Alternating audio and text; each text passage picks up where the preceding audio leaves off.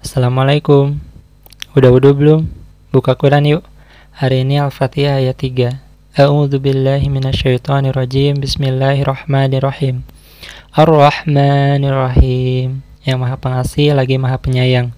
Mari berpikir, udah belum kita mengasihi dan menyayangi Allah hari ini? Gampang kok kalau kita tipe aksi, lakuin apa yang beliau suruh, jauhin apa yang beliau larang.